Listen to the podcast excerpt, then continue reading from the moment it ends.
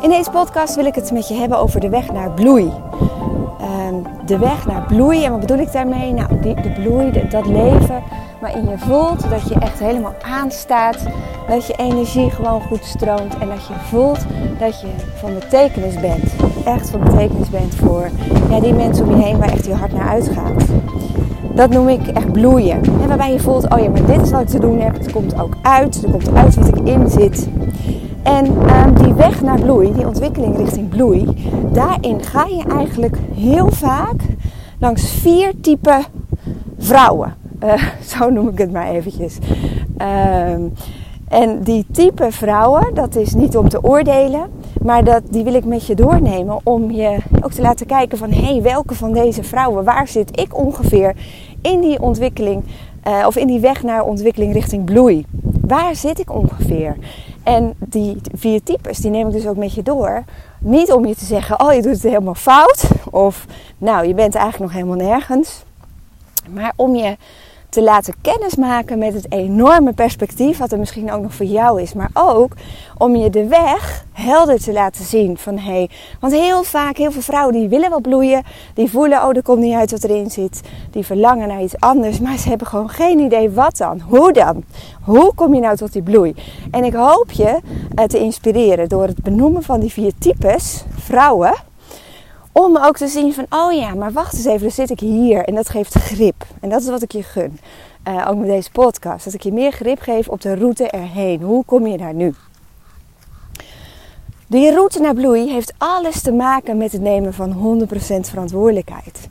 Die route naar bloei heeft met nog iets anders te maken. Namelijk het 100% openstaan van je hart waarin je ook echt verbinding kunt leggen met andere mensen. Hè? Maar ook met jezelf, waarin je constant vanuit je hart leeft. Um, en waarom is dat nou zo belangrijk om vanuit je hart te leven? Nou, daar zit ook heel veel intrinsieke motivatie. Daar zit jouw motor. Dat is datgene wat je drijft. En zolang je echt vanuit je hart leeft en op basis van intrinsieke motivatie keuzes maakt, um, zolang je dat doet, dan zul je ook merken dat het veel makkelijker gaat. Dat je energie bij je houdt. En dat is natuurlijk heel belangrijk. Want hoeveel vrouwen liggen er niet helemaal uitgepuft of uh, uitgeblust op de bank iedere avond? Uh, omdat ze vaak niet echt de dingen doen die hun hart hebben. Dus één, de weg naar bloei gaat over het 100 nemen of 100% nemen van verantwoordelijkheid. Maar het gaat ook over het um, uh, openzetten van je hart. Dus het, het echt kunnen verbinden met jezelf en met de mensen om je heen.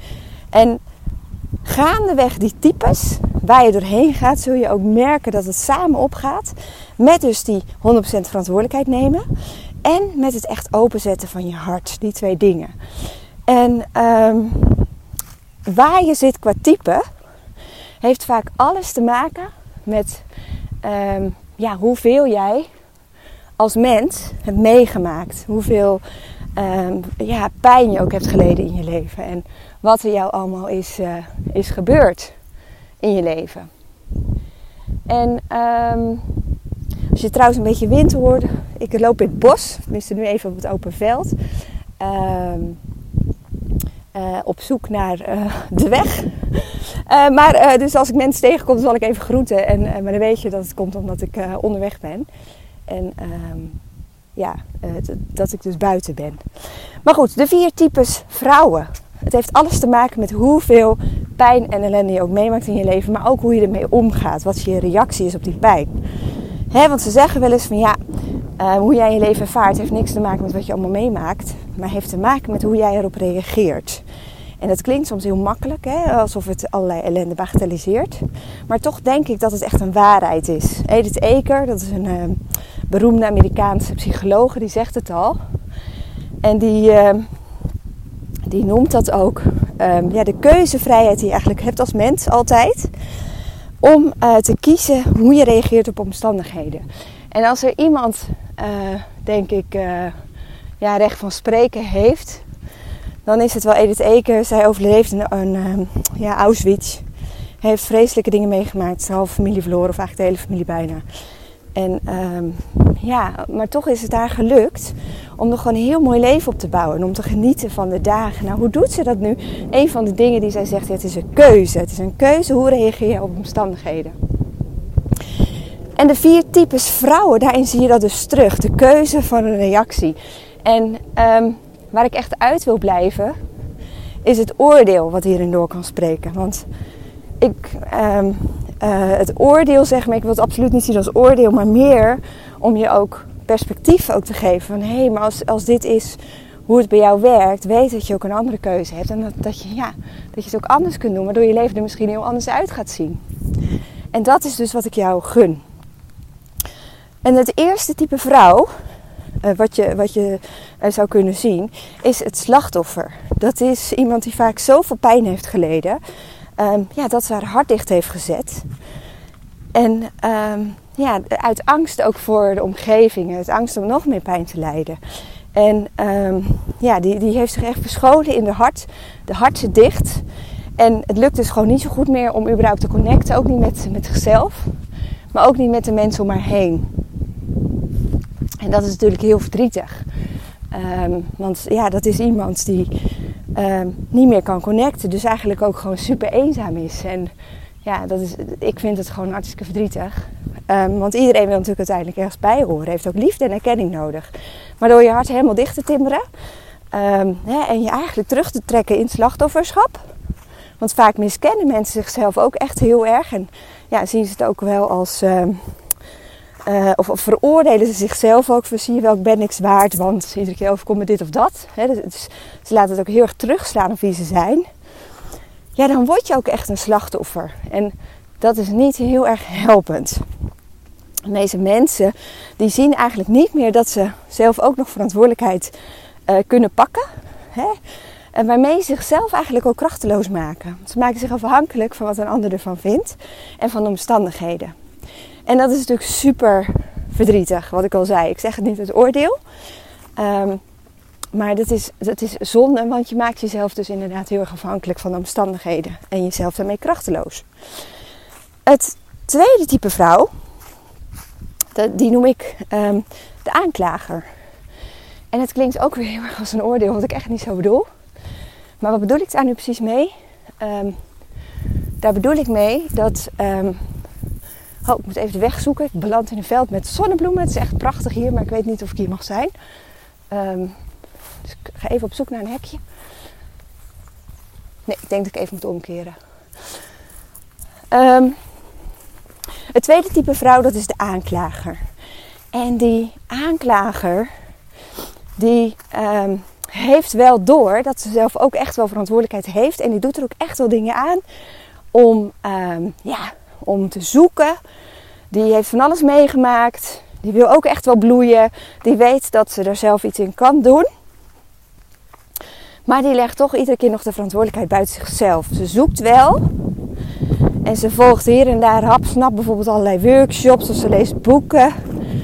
En uh, ja, die probeert het wel. Maar die ligt, legt zich op een gegeven moment wel neer bij hoe de situatie is. Dus die neemt genoegen met genoeg. Als in van ja, het leven is nu eenmaal niet maakbaar. En uh, ja, je hebt niet overal uh, zeggenschap op, zeg maar. Je kunt niet overal uh, in die zin verantwoordelijkheid voor nemen. En um, ja, dat is een type vrouwen die vaak nog wel echt wel hun hart open hebben staan voor een stukje. Maar ook weer niet heel groot. Maar van daaruit zullen ze vooral uh, bij een ander klagen over de omstandigheden of over andere mensen. Van, ja, en daarmee de verantwoordelijkheid ook wel enigszins buiten zichzelf neerleggen. Van ja, maar het leven is nu eenmaal niet goed gelopen. En ik heb nu eenmaal veel meegemaakt. Of die en die, die blijft maar dit of dat. Weet je wel. En constant um, vind je elkaar, je vindt andere mensen in het klagen over je omstandigheden. Klagen over uh, dat een ander het anders had moeten doen. Dus de aanklager die, die, die, gaat heel erg zitten op wat een ander anders had moeten doen. En die, ja, die haalt ze bij zichzelf weg. Die neemt in die zin niet 100% verantwoordelijkheid voor zijn eigen afdeling. Want dat is waar het over gaat. Als je uiteindelijk echt wil bloeien, moet je 100% af, eh, verantwoordelijkheid nemen voor je eigen afdeling. En ook echt loslaten wat andere mensen vinden. En omstandigheden ook echt loslaten. Want daar kun je niks mee. Daar heb je geen op. Dus dat is de tweede vrouw. Dus die weet al wel wat meer. Ik heb wat verantwoordelijkheden. Maar die zal toch telkens, die voelt zich ook een beetje miskend door de omgeving en door omstandigheden. Uh, en, en echt hoor, ik zit zelf ook regelmatig in een van deze types. Uh, dat merk ik iedere keer weer. En, uh, maar zodra je hiervan bewust wordt, dan kun je er ook iets mee. Dan kun je andere keuzes maken en denken: hé, hey, ik zit nu echt ik zit nu in mijn verkeerde type. Ik wil die andere zijn. ik wil de vierde zijn, want dat is de het positieve. En dan, ga ik, kom ik straks op in. Of uh, verder op, uh, op uit, op die, het vierde type. Het derde type, dat is de redder. dus dat is iemand die, ja, die heeft er geen problemen mee met verantwoordelijkheid te nemen. Maar die neemt geen 100% verantwoordelijkheid, die neemt 200% verantwoordelijkheid. Wat bedoel ik ermee? Ja, die is ook heel vaak bezig met verantwoordelijkheid overnemen van de omgeving. Dus van, ah joh, kom maar, dat doe ik wel. En um, um, dat, dat laat mij dat maar doen. En eigenlijk bemoeit hij zich constant, dat klinkt een beetje negatief, um, maar met de afdeling van andere mensen. En waarom? Vaak is het vanuit een goed hart, maar vaak zit er ook nog iets anders onder, namelijk uit afleiding voor de onrust over de eigen afdeling. dus iemand wil zo graag, iemand wil zo graag verder, iemand wil zo graag bloeien, iemand wil zo graag van betekenis zijn ja, die, die pusht het een beetje en die dramt door. Door te veel verantwoordelijkheid te gaan nemen, te snel te willen en ook het over te nemen van andere mensen. En qua persoonlijkheidstype kan ik ook echt wel een beetje hierin schieten. In deze, dat ik het af probeer te dwingen. En dat dus ja, uh, vanuit ook weer, dat is de andere kant, soms de opvatting dat alles maakbaar is. Hè? Zelfs de omstandigheden en de afdeling van andere mensen. Wat eigenlijk helemaal niet zo is. Alleen je eigen afdeling, die is 100% maakbaar. Daar geloof ik echt in. Omdat je daar keuzes uh, kunt maken. Keuzes over praktische zaken in je leven, maar ook keuzes over um, je gedachten, over je gevoel, over je gedrag. Daar kun je allemaal keuzes in maken. En dat is je eigen afdeling. Hè? Maar die redders, die gaan soms echt in de afdeling van andere mensen zitten. Die hebben vaak hun hart echt wel open die weten ook van ook moet verantwoordelijkheid nemen. Die zijn er ook heel goed in, maar die nemen te veel verantwoordelijkheid. En uh, ja, die, die, die zetten hun hart zo open dat iedereen erin mag. En dat er een soort grenzeloosheid ook nog is. Nou, het vierde type, dat is de bloeier. Dat is de vrouw die heeft ontdekt dat, uh, dat 100% verantwoordelijkheid nemen voor je leven, dat het eigenlijk twee dingen betekent. En dat is allereerst loslaten wat niet van jou is.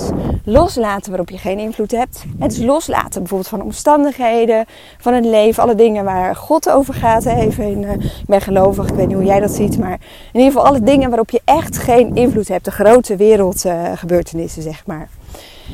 Die mag je loslaten. Sterker nog, die moet je loslaten. En wat je ook moet loslaten is de afdeling, de verantwoordelijkheidsafdeling eigenlijk waar een ander eigenaar over is. Dus alle andere mensen. Hè, want die zijn eigenaar van hun afdeling waar zij keuzes over mogen maken. En heel vaak zitten wij er ook in te roeren. Hè, of we schuilen ons helemaal in onze eigen afdeling zoals het slachtoffer. Of, uh, hè. Maar de bloeier, die heeft uitgevonden dat hij dat stukje eerst moet loslaten. Waarom? Zodat ze alle energie en al haar tijd en ook al haar geld kan besteden aan het beheer aan het 100% verantwoordelijkheid nemen voor de eigen afdeling. En als je dat doet, dan je neemt 100% dus verantwoordelijkheid, dan zul je ook merken dat je veel beter de verbinding kunt leggen met je eigen hart. Hè, omdat je dat goed verzorgt, omdat je maximaal het beheer en het eigenaarschap pakt over je eigen afdeling. dus de connectie met je eigen hart gaat veel beter. Maar ook de connectie met andere mensen. Waarom? Omdat je door dingen los te laten die niet van jou zijn, ook eigenlijk de grenzen van andere mensen respecteert. Want om even terug te komen op die, um, op die redder, die denkt van ja, dat is misschien heel nobel om dingen over te nemen van andere mensen. En, maar dat pleasen of dat verzorgen van andere mensen, daarmee zeg je eigenlijk indirect, jij kunt het niet zelf is niet wat je letterlijk zegt, maar dat is wel de boodschap die je indirect doorgeeft door het over te nemen van andere mensen. En dat is natuurlijk niet heel prettig voor de ander. Soms zullen mensen het zich lekker laten aanleunen. Zeker de slachtoffers, die vinden dat wel vaak wel prettig. Uh, want die voelen zich ook slachtoffer en die hebben het, hebben het dan nodig van andere mensen. Die maken zich afhankelijk. Maar het is niet waar je een ander mee dient. Een ander dien je door ook die afdeling van de ander te respecteren en de grenzen erin. Door het ook niet constant over te nemen en daarin te roeren. Maar bijvoorbeeld mensen gewoon aan te moedigen om ook weer verantwoordelijkheid te nemen over hun eigen afdeling. Zelfvertrouwen te geven van joh, je kunt het best. En uh, te zorgen dat ze dat dan ook echt zelf pakken en doen. En uh, waarom zorgt nou juist deze houding voor bloei uiteindelijk? Ja, dat, dat, komt omdat je echt, omdat het te maken heeft met hoe jij je middelen inzet, hoe je tijd, geld en je energie inzet. Dus als jij je energie daarop richt op datgene wat jij kunt doen, en alleen daarop en loslaat wat van een ander is, dan loop je ook echt maximaal je eigen pad. En dan zul je ook merken, door ook de dingen los te laten, dat, dat gewoon groei en ontwikkeling eigenlijk gewoon de ruimte krijgt. Want om even terug te komen op die redders, die gaan vaak zo hard, die verstikken hun eigen groei eigenlijk. Doordat ze te snel willen, te hard willen, te veel willen. Ook van alles en nog wat voor andere mensen, die drammen een beetje door. Maar het is net als met een plantje, als je die te veel voedt en te veel water geeft en te lief tegen, tegen praat, bewijs van, ja, dan verstik je eigenlijk die plant in zijn groei. En dan, ga, ja, dan komt het eigenlijk helemaal niet goed met die plant. Wil je echt gaan bloeien, dan heb je nodig dat je 100% verantwoordelijkheid neemt voor de groei en voor het voeden. Maar wel precies de juiste hoeveelheid. Precies de juiste hoeveelheid water, precies de juiste hoeveelheid licht. En niks meer, niks minder dan dat. En als je dat doet, dan heb je ook de meeste kans op bloeien. En dan zul je ook gaan bloeien. Want bloeien is niet een proces van doen. Bloeien is een proces van zijn. 100% zijn. Waarin het erom gaat, inderdaad, dat je enerzijds loslaat, wat niet voor jou is en waar je geen invloed op hebt. En anderzijds verantwoordelijkheid neemt voor die dingen die je wel kunt doen. Dus die, die groei, die bloei. En, of uh, sorry, het voeden en het wateren. Hè, maar precies de juiste hoeveelheid. En meer kan je, dan dat kun je niet doen. En dan is het een proces van zijn. En dan zul je ook merken dat als je bloeit, dat je vervulling ervaart. Dat je niks meer moet, dat je niks minder moet. Dat het gewoon klopt, dat het goed is. En dan is het ook wat het is. Dat is echt een heel belangrijk onderdeel van bloeien. Op een gegeven moment is het wat het is. En meer dan dat wordt het ook niet. En dat is goed. Dat is het precieze punt waarop jij zult voelen dat je gelukkig bent, dat je succesvol bent. Dus, dus met succes bedoel ik echt dat er uitkomt wat erin zit. Uh, omdat je het maximaal faciliteert. Maar ook niet meer dan dat en ook niet minder dan dat. En dat is wat we uiteindelijk willen. En dat gun ik jou ook van harte. En um, ja, de vraag is, waar sta jij nu in deze vier, uh, vier types? Hè? Misschien ben je coach of uh, um, heb je iets meer kennis al van coaching. En, en, ja, heb je hier ook de, uh, de hoe heet dat? De drama-driehoek herkend. Hè? Waarin we vaak ook kunnen communiceren. Dat we of in slachtoffergedrag vervallen. Of in aanklagersgedrag of reddersyndroom. Hè, maar het mooiste is dat we uiteindelijk echt bloeien. Dat we precies die dingen doen die bij ons passen. Op een ja, een hele evenwichtige manier. En hoe kom je daar dan? Hoe kun je daarvoor um, um, ja, ook maximaal verantwoordelijkheid nemen? Hè, zonder dat je iets te veel doet. Nou, ik denk dat je dat kan doen. Door ook echt sowieso jezelf eerst ook te leren kennen van hé, wat voor plantje ben ik nu? Ben ik nou een aardbeienplant of een citroenboom? Want heel vaak um, gaat het mis. Komen wij in die uh, negatieve rollen terecht. Doordat we eigenlijk helemaal niet weten wat voor plantje we zijn. Ik, ik zelf gedroeg me ook jarenlang als een, uh, een aardbeienplantje. Ik maakte mezelf heel zoet en vriendelijk. Um, maakte me ook kleiner. Maar eigenlijk ben ik een citroenboom. En mensen, ja, niet iedereen vindt citroenen lekker. Maar citroenbomen hebben hun eigen functie. En um, ja, die, zijn, die, die maken zich misschien wat groter automatisch. Die nemen veel ruimte in. Um, die zullen op sommige mensen uh, een beetje te zuur overkomen of te geel of wat dan ook. Um, maar dat is wat het is. Het is. Iedereen mag in zijn eigen plek innemen. Hè? Niet iedereen is zo'n lief aardbeienplantje. Nee, iedereen is anders. En omdat wij allemaal proberen te leven soms als die lieve zoete aardbeienplantjes, je nemen niet onze plek in. Waardoor we frustratie gaan ervaren. Waardoor we dus ook veel sneller in die aanklagersrol terechtkomen. Of in slachtoffergedrag. Of hè, dat we het overnemen van andere mensen om onszelf maar te bewijzen. Of om maar te laten zien dat we ook echt wel wat betekenen en ergens bij willen horen. Wat heel logisch is, hè? ik zeg het ook niet als oordeel.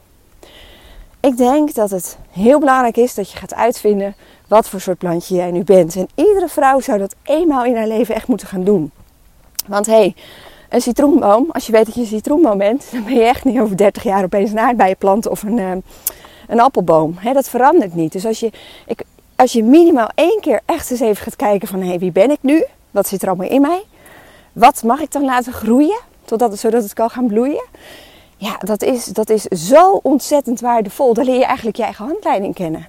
En als je je eigen handleiding kent, wordt het een stuk makkelijker ook uh, leven met jezelf. Omdat je weet wat, ja, wat bij je past, wat niet bij je past. En dan kun je je leven zo inrichten zoals dat bij je past. Dan kun je je tuintje zo bemesten zodat het voor jou uh, nodig is om te kunnen bloeien. En een citroenboom heeft misschien wel wat anders nodig dan een aardbeienplant. Hè? Er is niet één uiteindelijke uitkomst die voor iedereen het beste is. Nee, het is echt heel erg afhankelijk van wie je bent. En dat is zo mooi. Maar daarom is het ook zo belangrijk om met jezelf aan de slag te gaan. En dat is een eenmalige exercitie waarin je jezelf echt leert kennen. Maar als je dat eenmaal weet, dan kun je de rest van je leven keuzes gaan maken die daarbij passen. En dat is zo geweldig. Het maakt het zoveel makkelijker om keuzes te maken. En ja, om je levensweg ook te kiezen. En precies dat is ook echt de reden dat ik het programma Powerlife maakte. En um, ja, daar heb ik jaren vrouwen in getraind. En waarin ze ook een, goede persoonlijkheidstest doen, waar zo, zo, zoveel informatie in zit, die zo handig is. Uh, maar ook een drijfverentest. Je gaat aan de slag met je talenten. Wie ben ik nu echt? En ja, wat zijn mijn dromen? En um, ja, en dat gun ik iedereen. Als je dat één keer hebt gedaan, ja, dan kun je een hele leven mee vooruit. En mocht je er al eerder van hebben gehoord en je ja, ja, ik weet het eigenlijk niet. Echt serieus, kijk er eens naar. Vraag een adviesgesprek aan bij een van de coaches die dat nu eh, die dat, die dat geven. Of de trainers. En um, kijk echt serieus of dat voor je zou kunnen zijn. Want uiteindelijk geloof ik dat we allemaal hier zijn om te bloeien en om iets moois bij te dragen. Precies vanuit hoe wij zijn en hoe jij bent. En uh, ja, dat is ook wat ik je gun. Nou, tot zover weer deze podcast over vier types vrouwen op weg naar bloei. En uh, ik hoop echt dat ik je weer heb mogen inspireren, dat ik je inzicht heb kunnen geven. En heel graag tot in de volgende podcast.